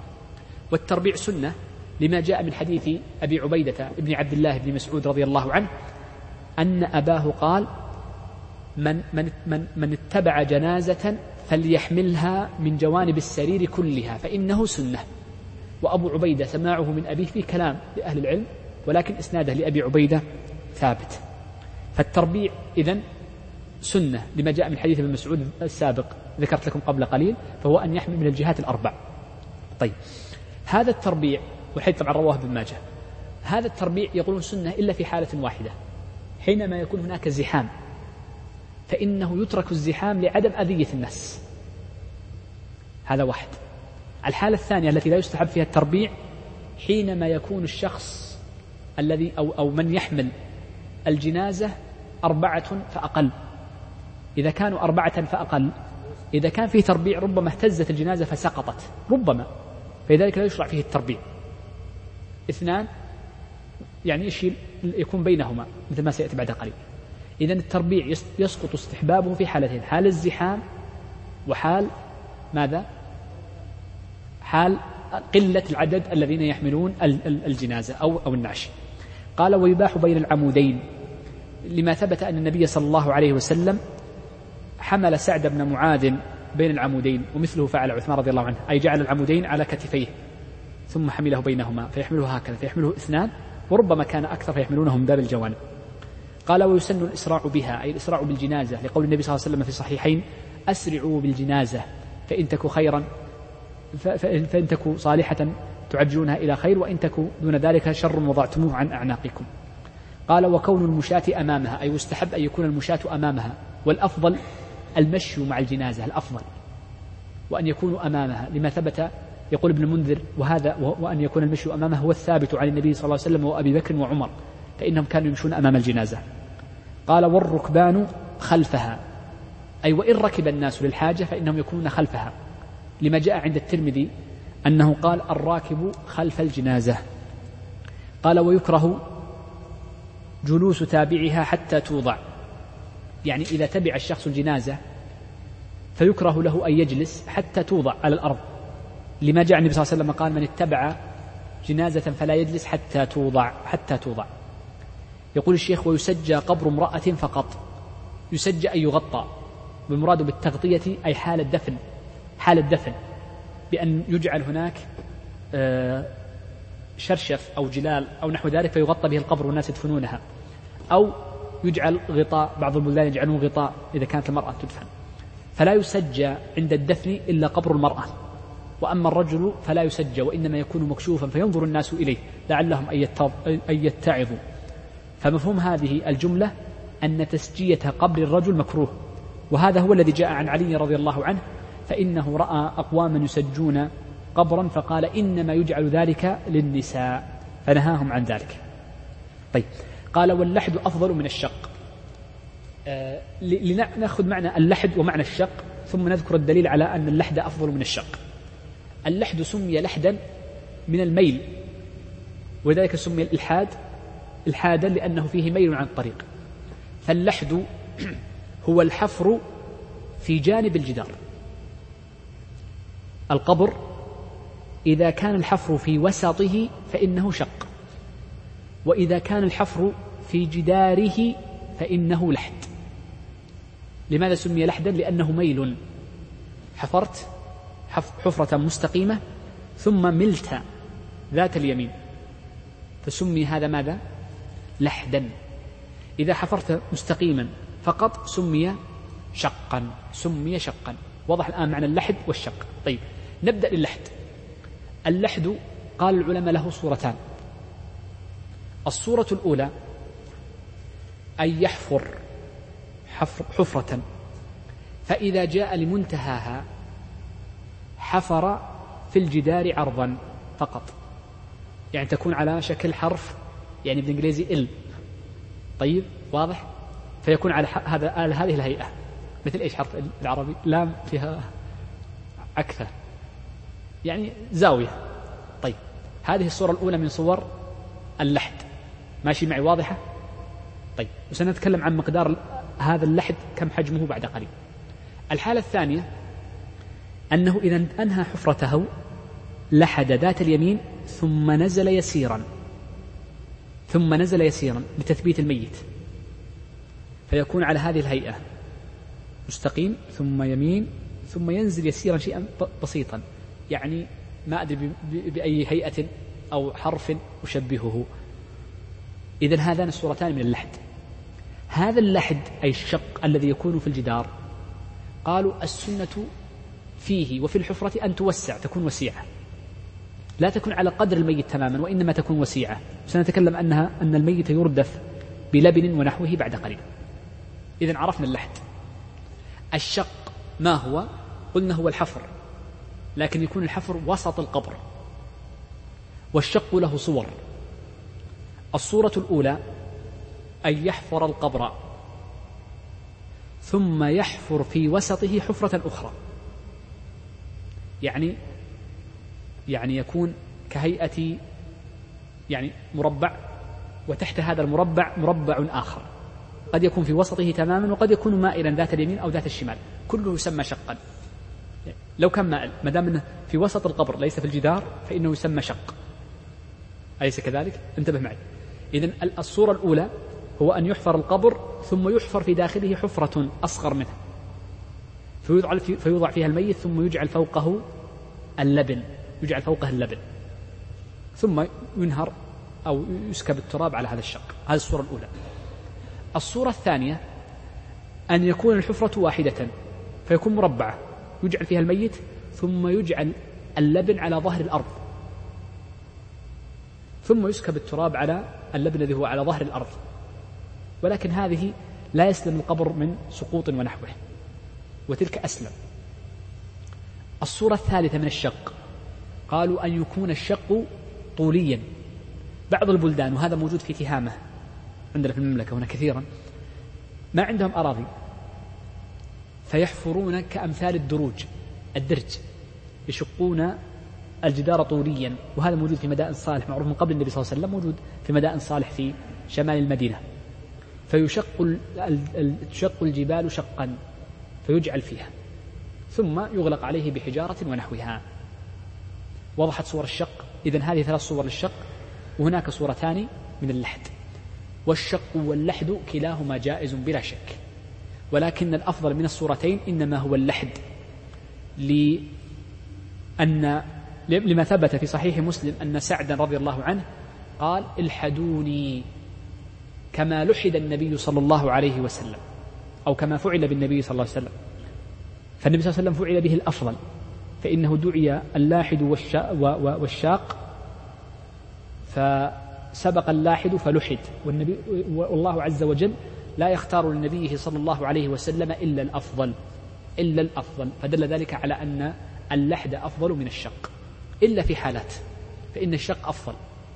من هذه الحالات قالوا إذا كانت الأرض رخوة إذا كانت الأرض رخوة مثل الأرض الملحية ومثل بعض الأراضي الرملية هذا الشق فيها لا يمكن عفوا اللحد فيها لا يمكن. اللحد صعب فيها لأنه مباشرة يسقط على الميت فيكون الأصلح للميت هو الشق. فنقول هنا في حق هؤلاء الشق أفضل. الحالة الثانية إذا كانت الأرض جبلية واللحد مؤذي يعني مكلف جدا جدا يعني بعض بعض المناطق يكون صعب الجبلية تماما جبل من الحجارة السوداء مثل جبال تهامة أو جبال الحجاز. الشق فيها متعب بعض كثير من مواضيعها فنقول عفوا اللحد فيها متعب. فنقول إن الشق أرفق بالناس. هناك أرفق وأصلح الميت وهنا أرفق بالناس. والله عز وجل لا يكلف ما فيه ضرر ومشقة. نعم. يقول ويقول مدخله بسم الله وعلى ملة رسول الله. هذا ثبت عن النبي صلى الله عليه وسلم في غير ما حديث أنه يعني فعله وأمر به كما عند الإمام أحمد وابن ماجه أنه قال بسم الله وعلى ملة رسول الله. وهل يستحب زيادة الرحمن الرحيم أو الصلاة على النبي صلى الله عليه وسلم فتقول بسم الله الرحمن الرحيم وعلى ملة رسول الله صلى الله عليه وسلم أم لا؟ لم أرى نصا للفقهاء فيها. ولكن وقفت على بعضهم في باب التذكية في باب التذكية وفي باب وعند ذبح الأضحية حينما يذبح الشخص يقول بسم الله وعلى ملة رسول الله قالوا لا يشرع الزيادة لعدم ورودها في النص لعدم ورودها في النص. فلعله من باب تخريج الفرع على الفرع ما قاله هناك الفقهاء ومنهم ابن العماد في شرحه على غاية المنتهى ما قاله هناك ابن العماد في شرح غاية المنتهى ننقله هنا فنقول هنا لا يستحب الزيادة على ذلك. لا يستحب الزيادة على ذلك. طيب. قال ويضعه في لحده على شقه الأيمن. طبعا إذا كان في اللحد فيضعه على شقه الأيمن. ويستحب لماذا جعله على شقه الأيمن لأن النبي صلى الله عليه وسلم قال القبور طبعا لأنه كالنائم والنائم الأفضل أن يكون على شقه الأيمن. ولكي يستقبل القبلة. والنبي صلى الله عليه وسلم قال كما سيأتي بعد قليل في استقبال القبلة قال إنها قبلة أحيائكم قبلتكم أحياء وأمواتا. فيجعل على شقه الأيمن قياسا على النائم فإن النوم والموت كلاهما موت بمعناه العام. كيف يوضع في لحده؟ نقول يوضع في لحده قريبا من الجدار. الآن لما يلحد هذا اللحد ندني شوف ندني الميت من الجدار. ما السبب؟ قالوا لكي لا يسقط على وجهه. ثم نجعل خلف ظهره لبنا لكي لا يسقط على ظهره فيبقى على شقه الأيمن ويستحب إذا كان ملحودا ووضع على شقه الأيمن أن يجعل تحت رأسه لبنة لكي ترفع رأسه لأن سقوط الرأس يعني يعني مؤذن للحي فكذلك الميت. إذا وضع الميت في لحده يجعل على شقه الأيمن كما ذكر المصنف ولكنه يدنى من الجدار ويجعل خلفه ولو كان اللحد بعيدا ويجعل خلفه لبن أو حجارة أو نحو ذلك مما لم تمسه النار خلف ظهره لكي لا يسقط ويرفع رأسه بلبنة ونحوها أو حجارة ونحوها على حسب المنطقة التي أنت فيها فيرفع رأسه من باب احترام الميت. قال مستقبل القبلة لقول النبي صلى الله عليه وسلم عن القبلة هي قبلتكم أحياء وأمواتا. قال ويرفع القبر عن الأرض قدر شبر. آه، لما جاء عن من حديث جابر رضي الله عنه أن النبي صلى الله عليه وسلم رفعه قدر ذلك. وأما الزيادة على الشبر فإنه منهي عنه لعموم حديث علي رضي الله عنه أن النبي صلى الله عليه وسلم قال أن النبي صلى الله عليه وسلم أمره أن لا يرى قبرا مشرفا أي مرتفعا إلا سويته أي إلا جعلته متساويا في الأرض اللهم إلا جاء الإذن بالشبر لحديث جابر المتقدم. قال ويكره تجصيصه والبناء والكتابة والجلوس والوطء عليه. انتبه عندي هنا مسألة. الفقهاء المتقدمون انتبه هذه المسألة ترى مهمة في فهم كتب الفقهاء. الفقهاء المتقدمون لم تكن عندهم قد استقرت المصطلحات. فكان كثير من الفقهاء المتقدمين يعبر عن التحريم بالكراهة. يعبر هذا كثير جدا في كلام السلف الصحابة والتابعين والمتقدمين كمالك والشافعي وأحمد وأبي حنيفة كثير جدا. حتى قال ابن القيم رحمه الله تعالى وإن كثيرا من المتأخرين ليخطئ في نسبة أقوال للفقهاء المتقدمين حينما نزل الكراهة على ما تواضع هو عليه. فإن الفقهاء كانوا ينصون كثيرا على الكراهة ويعنون بها التحريم. ثم بعد ذلك في القرون المتأخرة استقرت المصطلحات أن للكراهة أن للكراهة حكما غير حكم التحريم فالتحريم هو المنع الجازم والكراهة دون ذلك. وهذا المعنى معروف وسبق أن جعلنا فيه يعني درس كامل لمن يذكر أن ما تكلمنا في المصطلحات الشرعية أو الفقهية الأصولية لكن انتبه هذه. يوجد في كتب الفقهاء من جميع المذاهب بلا استثناء بلا استثناء أن يعبر الفقهاء بالكراهة ويعنون به التحريم ويعبرون بالجواز أحيانا ويعنون به الاستحباب وهكذا. ولذلك فإن النووي على سبيل المثال في مقدمة المجموع ذكر أن أبا إسحاق أن أبا إسحاق الشيرازي صاحب المهذب عبر أحيانا بمواضع بالكراهة ويعني بها التحريم. ومثله ذكر ذلك ال ال أيضا ال الإسنوي في المهمات على الرافع ففي كل المذاهب قد يخطئ بعض المتأخرين فيعبر بتعبير معين ويقصد به شيئا آخر. ومعلوم عندنا أن الفقه عندما يأتي الشخص بعبارة يقلده الباقون. ألم أقل لكم إن الخرق قبل قليل زاد كلمة فتبعه من بعد على زيادة هذه الكلمة. يتبع كل واحد ينقل من السبق. ينقل وثوقا بمن قبله. ولذلك الفقهاء يقولون إن الكراهة في الكتاب الفلاني إلا في ثلاثة مواضع يعنى بها التحريم. دائما يذكرون هذه في مقدمات الكتب. أنا أتيت بهذا الكلام لماذا؟ لأن المصنف هنا عطف الكراهة على أحكام متعددة. وبعض هذه الكراهة المذكورة هنا إنما هي محمولة على التحريم وهو الأول والثاني. فقول المصنف ويكره تجصيصه والبناء أي على القبر محمول على التحريم. قال في بعض حواشي الفروع ولا ومن ظن أن المقصود بالكراهة هنا إنما هي كراهة التنزيه فقد أخطأ خطأ بينا. غير مقصود فإن هذا لم يقله أحمد ولا أصحابه. ما قالها لكن جاءت كلمة أخطأ فيها أو عبر بها شخص على معنى معين فدرج الباقون على استعمال هذا. التعبير وهذا كثير بعشرات الأمثلة في الفقه. إذا قوله ويكره التجصيص والبناء صحيح المذهب بل المجزوم به قطعا كما في بعض هوامش الفروع أن التجصيص والبناء فقط. هذان الأمران أن التجصيص والبناء على القبور محرم تحريما. فلا يجوز. كيف؟ والنبي صلى الله عليه وسلم أمر علي رضي الله عنه أن لا يرى بناء إلا هده ولا أمرا مشرفا إلا سواه. فكيف نقول إنه يجوز البناء على القبور؟ فالصحيح أنه محرم. طيب. نعم. قال والكتابة والجلوس والوطء عليه. الكتابة والجلوس والوطء عليه مكروه وليس محرما. فأما الكتابة فلما جاء عن النبي صلى الله عليه وسلم أنه نهى عن الكتابة عليه الحديث الصحيح ولكن ثبت أن بعض الصحابة كتب اسمه على قبره وهذا موجود إلى الآن. نصب الموجودة على القبور فيها أسماء الصحابة أو التابعين فدل على أن فعل المسلمين يدل على عدم التحريم وهو أمر فعلي. فالكتاب على القبور الأسماء ونحوها إنما هو مكروه. المحرم حينما يكون في الكتابة ندب ندب للميت وأبيات شعر يعني تخدش التوحيد أو أو فيها تسخط على قضاء الله وقدره. قال والجلوس لما جاء من حديث أبي هريرة لأن يجلس أحدكم على جمر خير له من أن يجلس على قبر. والوطء عليه أيضا في معنى الجلوس. هي صاحب الستيتين أخرج ستيتيك قال والاتكاء إليه أي الاتكاء عليه. لما جاء من حديث عمرو بن حزم أنه كان متكئا على القبر فقال النبي صلى الله عليه وسلم لا تؤذي صاحب القبر. وهذا الحديث رواه البغوي في شرح السنة.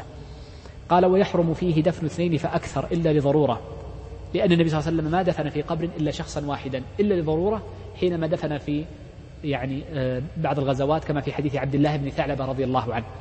والمراد بالضرورة أي حينما يكثر الموت ويخشى عند عدم دفنهم يعني يكثر الموت ويخشى عند عدم دفنهم أذية الناس أو عدم وجود المحل ونحو ذلك فهنا يجوز الدفن أكثر من شخص في قبر.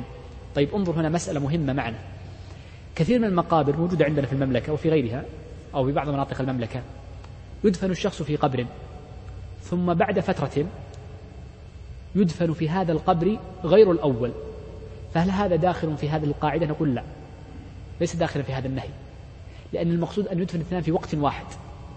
أما في هذه الصورة فإنه يدفن الأول حتى إذا ذهب لم يبقى منه شيء. فإنه إذا نزل للقبر يرفع القبر. موجود في بعض المقابر أنك يرفع يأتي صاحب المقبرة فيرفع القبر أو يرفع غطاء القبر. فإذا وجد أثرا للميت أبقى أغلقه. وإن لم يبق منه إلا ترابا كنس الغبار والتراب الذي بقي إلى طرف القبر ثم دفن فيه آخر. والفقهاء يقولون إن القبر إذا اندرس ذهب حكمه. ذهب حكمه. خلاص. ولذلك بعضهم يقيده بثلاثين عاما بعض الفقهاء وبعضهم ستين. ولذلك المقبرة إذا مر عليها أمد طويل لم يدفن فيها أحد أصبحت يجوز الانتفاع بها لأن لا يوجد هناك أثر للقبور اندرست القبور لم يبقى بها آثار ولا جماجم وإلا فإن جل المناطق فيها قبور. يعني ربما ربما في يوم من الأيام قبل ألف سنة ما تدري. دفن في البيت الذي فيه أنت أناس ما تدري. ولذلك صعب. فإذا اندرس القبر ولم يعرف أثره ولا أثره الظاهر ولا أثره الباطن فإنه يلتغي حكمه. طيب. قال ويجعل بين كل اثنين حاجز من تراب أي عند الضرورة إذا دفن اثنان فنجعل بينهما حاجزا لكي لا يسقط أحدهما على الآخر وليكون هذا الحاجز كالفاصل بين القبرين. تدفن الأول ثم تجعل حاجزا من تراب أو لبن ونحو ذلك ثم تجعل الثاني بعده. يقول الشيخ ولا تكره القراءة على القبر. هذه مسألة مهمة تحتاج إلى تركيز فركز معي فيها. الإمام أحمد رحمه الله تعالى ثبت عنه أنه نهى عن القراءة على القبر. ثم خبر بحديث ابن عمر رضي الله عنه أنه قال إذا أنا مت فاقرأوا عندي أو عند بعد وفاتي اقرأوا علي يعني عند القبر أو نحن نسيت نص الأثر الآن بالبقرة. اقرأوا علي بذلك. فتوقف الإمام أحمد فأخذ الفقهاء من ذلك أنه يجوز القراءة عند القبر. في الدرس الماضي ذكرت لكم أن القراءة ثلاث درجات. انتبهوا هنا معي. القراءة ثلاث درجات. القراءة الأولى جائزة ووردت بها السنة وهي القراءة عند المحتضر. وباتفاق الفقهاء أنه يقرأ عند المحتضر. وروي فيه حديث اقرأوا على موتاكم أو عند موتاكم بسورة ياسين. وهي مشروعة ولا فيها إشكال. الصورة الثانية القراءة وإهداء ثوابها للميت. إهداء الثواب للميت. إهداء الثواب للميت. وهذه فيها خلاف. والجمهور على أن الثواب يصل للميت. سنتكلم عنها بعد قليل. إنما خالف الإمام الشافعي رحمه الله تعالى ووافقه أئمة الدعوة. فإنهم يرون أن الثواب لا يصل للميت إلا الأعمال المالية كالصدقات ونحوها والدعاء لورود النص به ما ورد به النص دون ما عداه والحج ورود النص وهو مغلب عليه النفقة. هذا الأمر الثاني. الأمر الثالث القراءة على القبر. شوف. الذي ورد فيه خلاف بين أهل العلم أو وردت فيه آثار محتملة. القراءة بعد الوفاة. ورد فيها أثر جمع فيها أبو بكر ابن أبو بكر الخلال جزءا مطبوعا سماها القراءة على الميت أو قراءة على القبر. شوف أهل السنة فيهم ميزة. يروون ما لهم وما عليهم. وأما أهل البدع فإنهم لا يرون إلا ما لهم وأما ما عليهم فلا يرونه. ونحن إنما نحن متبعون ولسنا بمبتدئين. الإمام أحمد كان ينكر أنه يوجد شيء قراءة على الميت. لما روي له حديث ابن عمر سكت. لكي نجمع بين النصوص الواردة والنهي عن هذه الأمور نقول إن الذي ورد عن ابن عمر وعبد الله بن عمرو وغيرهم وذكره العباس الدوري في تاريخه تاريخ يحيى محمول على إهداء الثواب للميت. محمول. فكل ما ورد عن الصحابة إنما هو محمول على إهداء الثواب للميت. فنقول إن قول المصنف وعلى ذلك نقول فإن قول المصنف ولا تكره القراءة على القبر أي يجب أن نوجه هذا التوجيه أي إذا أهدي الثواب للميت بشرطين بشرطين. الشرط الأول أن يكون القارئ متطوعا لا بأجرة. لأن لو كان القارئ بأجرة فلا أجر له. أجره أخذه في الدنيا. فلا يهدى للميت شيء. واضح المسألة هذه؟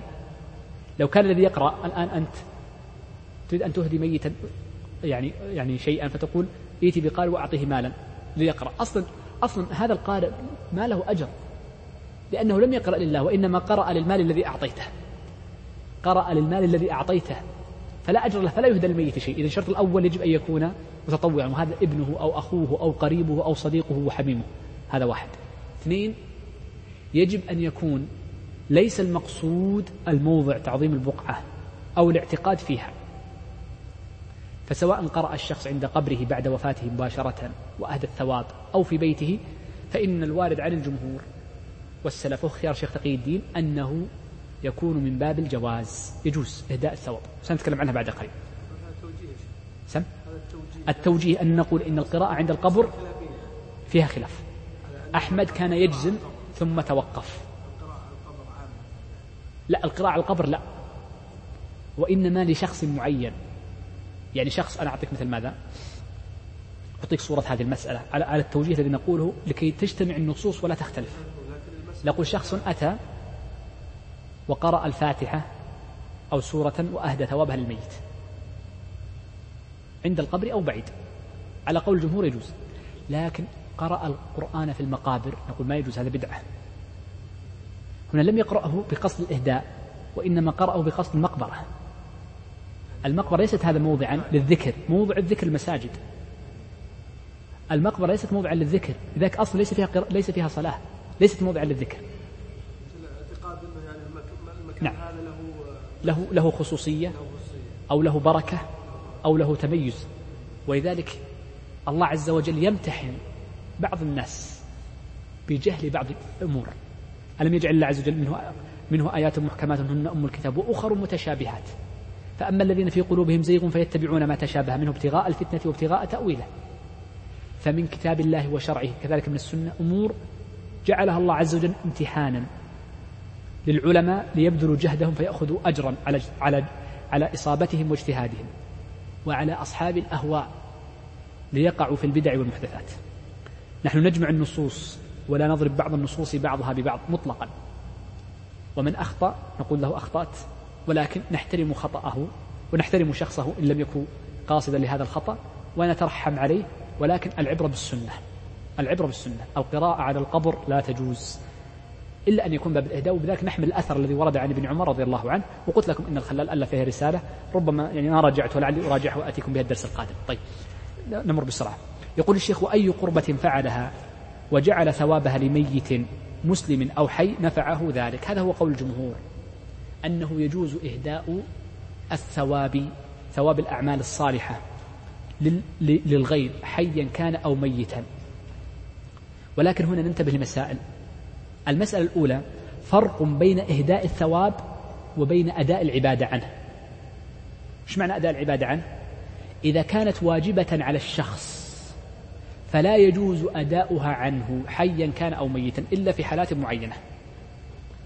مثل الحج تؤدى على الميت وتؤدى على الحي إذا كان عاجزا فقط. الصلاة لا تؤدى الصوم لا يؤدى إلا النذر خاصة الصوم. وهكذا في أشياء ورد بها النص فقط. إذا فرق بين إهداء الثواب وبين إيش؟ أداء بين أداء العبادة الواجبة. الأصل أن أداء العبادة الواجبة لا تؤدى عن أحد وإنما إهداء الثواب للسنن. طيب هذا واحد. اثنين هل الأفضل إهداء الثواب أم الدعاء؟ نقول الأفضل الدعاء. فلو كان لك أب أو قريب أو زوج أو حميم توفي فالأفضل أن تدعو له أفضل من أن تقرأ قرآنا وتهديه له. الدليل على ذلك أن النبي صلى الله عليه وسلم قال إذا مات ابن آدم انقطع عمله إلا من ثلاث قال أو ولد صالح يدعو له ولم يقل أو ولد صالح يهديه ثواب حج وعمرة وصلاة وقراءة قرآن. ولكن عموما النصوص كثيرة ومتضافرة عن الصحابة وعن غيرهم أنه يهدى ثواب يجوز إهداء ثواب نص الإمام أحمد وهو الذي اختاره مالك وأبو حنيفة وشيخ الإسلام تيمية وهو تلميذ ابن القيم وعليه كثير من العلم وذكرت لكم الخلاف في المسألة. طيب. المسألة الأخيرة قال وسن أن أن يصلح لأهل الميت طعام يبعث به إليهم. لأن النبي صلى الله عليه وسلم قال اصنعوا لآل جعفر طعاما فقد جاءهم ما يشغلهم. قال ويكره لهم فعله للناس. لما جاء من حديث جرير رضي الله عنه قال كنا نعد الاجتماع إلى أهل الميت وصنع الطعام بعد دفنه من النياحة كذا رواه الإمام أحمد واختلف في تصحيح هذا الأثر على رأيين لأهل العلم ولكن رجال الثقات لكن فيه علة. هذه المسألة أنا كان بدي أن أنهي المسألة بعد لكن أطلت عليكم. لكن أكمل ولا؟ طيب خلينا خلينا ننهي هذه المسألة ثم أشاوركم في آه، إكمال الدرس. هذه المسألة مسألة مهمة وهي قضية صنع الطعام. النبي صلى الله عليه وسلم صنع طعاما لآل جعفر وهذه السنة وردت فيه. وفي المقابل جاء من حديث جرير إن صح هو إسناده ثقات رجاله ثقات لكن فيه يعني علة. قال كنا نعد صنع الطعام والاجتماع له من النياحة فكيف نجمع بين هذين الأثرين؟ نقول إن الجمع بين هذين الأثرين هو ما ذكره المصنف. أنه إذا كان الطعام ليس من صنع الميت ولم يدع له أحد فإنه جائز. لدليل اصنعوا لآل جعفر طعاما. بل ثبت في صحيح البخاري أن عائشة رضي الله عنها كان إذا مات لها ميت ثم انصرف المعزون فلم يبق إلا أهل الميت قرابته وهي منهم. أمرت بصنع التلبينة وقالت إنها تجم الفؤاد صنعت لهم طعاما وأكلوه مجتمعين. إذا ليس كل اجتماع ممنوع إلا أن يكون بأحد أمرين. الأمر الأول أن يكون من صنع أهل الميت لأنه كلفة ومؤنة فيكون من باب الإلزام لهم. وليس كذلك. الأمر الثاني أن يكون فيه اجتماع. إذا صنع له الطعام يدق على جيرانه تعالوا الغداء عندنا. اجلس اجلس عندنا عائشة اليوم كأنها عزيمة. لا ما يجوز هذا الشيء. لكن يصنع الطعام من غير كلفة فيه ولا إسراف ولا مخيلة لأهل الميت. إن حضرهم أحد من أهلهم قدموا. ولذلك نقول بعرفنا الآن بعض طلبة العلم إذا جاء الطعام أغلق الباب لا يدخل أحد. لكي لا يكون دعوة. يغلق الباب وقت الطعام. لكي ما يكون إذا فتح الباب معناها أن الوقت دخول وقت عزاء. فإذا أرادوا أن يقدموا الطعام أغلقوا الباب قالوا لكي لا يجتمع لنا يحضرنا ما يكون باب الدعوة وإنما باب الطعام الذي هو خاص بهم. وهذا فيه طبعا من صنعه هو ليس من باب نقول هو المشروع لكن فيه توجه طيب أو قبول بهذا الشيء. فلكي نجمع بين النصوص وفعل الصحابة وما جاء عن جرير نقول بما ذكره المصنف أنه ما يكون من فعلهم وليس للناس. إذا قال يكره له فعله أي الميت يكره لهم فعلهم أي الميت من فعلهم للناس أي يجمعون الناس إليه فلا يكون من باب الدعوة. هل الكراهة هنا؟ هو هو حمله على الكراهة دون التحريم. لماذا؟ لتعارض النصوص. لتعارض النصوص. بقي لنا ستة أسطر. نكمل أم لا؟ مشايخ من آخر؟ واحد لو قال لي واحد لا وقفت. يسحب بذمتهم أدناهم.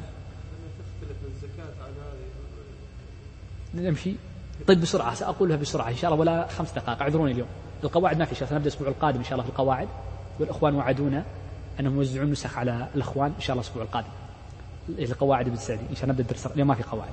طيب يقول الشيخ فصل بدأ الشيخ فيما يتعلق فيما ما بعد ما بعد الدفن وهو زيارة القبور والتعزية ونحوها. يقول تسن زيارة القبور زيارة القبور تسن بإجماع أهل العلم بإجماع أهل العلم تسن. لقول النبي صلى الله عليه وسلم كنت قد نهيتكم عن زيارة القبور فزوروها. فدل ذلك على زيارة أن زيارة القبور مشروعة فإنها تذكر الآخرة. قال إلا للنساء. إلا للنساء لأن النبي صلى الله عليه وسلم لعن زوارات القبور. والحديث رواه الإمام أحمد والترمذي بإسناد صحيح الحديث صحيح لا شك فيه. وهذا النهي نهي النساء فيه مسألتان. المسألة الأولى هل النهي محمول على الكراهة أم على التحريم؟ المتأخرون من الفقهاء لهم رأيان. فبعضهم يحمله على الكراهة وهذا مشى عليه كثير من المتأخرين. وكثير من مشايخنا ومتأخر المشايخ يرى أن أن التحريم هنا أن النهي هنا للتحريم. فلا يجوز للنساء زيارة القبور مطلقا. فلا يجوز للنساء زيارة القبور مطلقا. وهذا هو الذي عليه المشايخ أن النهي محمول على التحريم ولكن كثير من المتأخرين وليس ليس جميعهم وإنما نص بعضهم ممن نص على أن النهي للكراهة دون التحريم. إذا ففيه روايتان عند المتأخرين الكراهة أو التحريم. المسألة الثانية هل يستثنى قبر النبي صلى الله عليه وآله وسلم من هذا النهي أم ليس كذلك؟ الفقهاء نصوا على أن قبر النبي صلى الله عليه وآله وسلم مستثنى من هذا النهي. والحقيقة يجب أن نقول إنه ليس مستثنى. لماذا؟ لأن قبر النبي صلى الله عليه وسلم هي تزور المسجد الزيارة للمسجد. فمن جاء في مقدم المسجد حيث يوجد الجدار الفاصل بين قبر النبي صلى الله عليه وسلم وبين المسجد فإنها تكون قريبة سواء كان رجلا أو امرأة فإنه يكون قريبا من قبر النبي صلوات الله وسلامه عليه. ونحن نعلم جميعا. وهذا لا أظن في خلاف بين المسلمين. فيما أحسب أن أجر الصلاة على النبي صلى الله عليه وسلم في أول المسجد وفي آخره سواء. بل إن تخصيص دخول المسجد بالصلاة على النبي صلى الله عليه وآله وسلم لم يثبت إلا من فعل ابن عمر رضي الله عنه. ومن عداه من الصحابة فإنما كانوا يرون أن الصلاة على النبي صلى الله عليه وسلم والسلام عليه عام في كل مكان. سواء كان في المسجد أو في غيره. وضحت المسألة؟ عامة الصحابة يرون أن السلام على النبي صلى الله عليه وسلم في المسجد وفي غيره سواء. آه إن لله ملائكة سيارين يبلغونني صلاتكم وتسليمكم. فأيما امرئ صلى علي بلغتني بلغته الملائكة نبي الله صلوات الله وسلامه عليه. فهذا مفهوم الصحابة. إلا ابن عمر وحده فإنه كان إذا دخل المسجد ابتدأ بالسلام عليه وسلم. بدل على أن هذا الفعل مشروع. لفعل بعض الصحابة رضوان الله عليهم لا شك.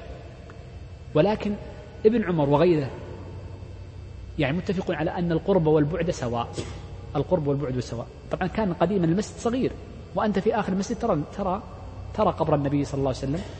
فتقول السلام عليك يا رسول الله السلام عليك يا أبا بكر يا عمر كما جاء عن الإمام مالك رضي الله عنه. ربما نأتي لها مجال شرف في باب الحج. طيب. بعض مشايخنا يقوله الشيخ الشيخ عبد العزيز باز شيخنا كان يرى أن النساء لا يزرن حتى قبر النبي صلى الله عليه وسلم فيقول لا يشرع لهن. فإذا جئنا المسجد فيسلمن على النبي في أي مكان ولا يشرع أن يتقدم. وهذا كلام الشيخ عليه رحمة الله. نعم. لعموم الحديث ذكرت لكم قبل قليل. قال ويقول إذا زارها أو مر بها السلام عليكم دار قوم مؤمنين وإن إن شاء الله بكم لاحق للاحقون. هذه ثابتة هذا الدعاء ثابت في صحيح مسلم من حديث أبي هريرة رضي الله عنه. الدعاء الثاني قال يرحم الله المستقدمين منكم والمستأخرين. وهذه الجملة أيضا ثابتة أيضا في الصحيح صحيح مسلم من حديث عائشة رضي الله عنها. والجملة الثالثة نسأل الله لنا ولكم العافية. وهذه أيضا ثابتة في صحيح مسلم من حديث بريدة. إذا ثلاث جمل في ثلاثة أحاديث مختلفة.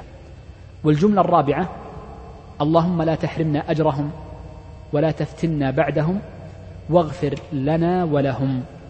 وهذه رويت عند أبي داود من حديث عائشة رضي الله عنها وضعفها بعض أهل العلم الزيادة الأخيرة والجملة الأخيرة.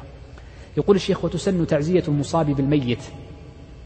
لما ثبت عن النبي صلى الله عليه وسلم في فضل تعزية المصاب وأن من عز مصابا كان له مثل أجره. وتعزية المصاب لها حد ابتداء وانتهاء. أما حد الابتداء فإنها من حين وفاته سواء دفن أو لم يدفن.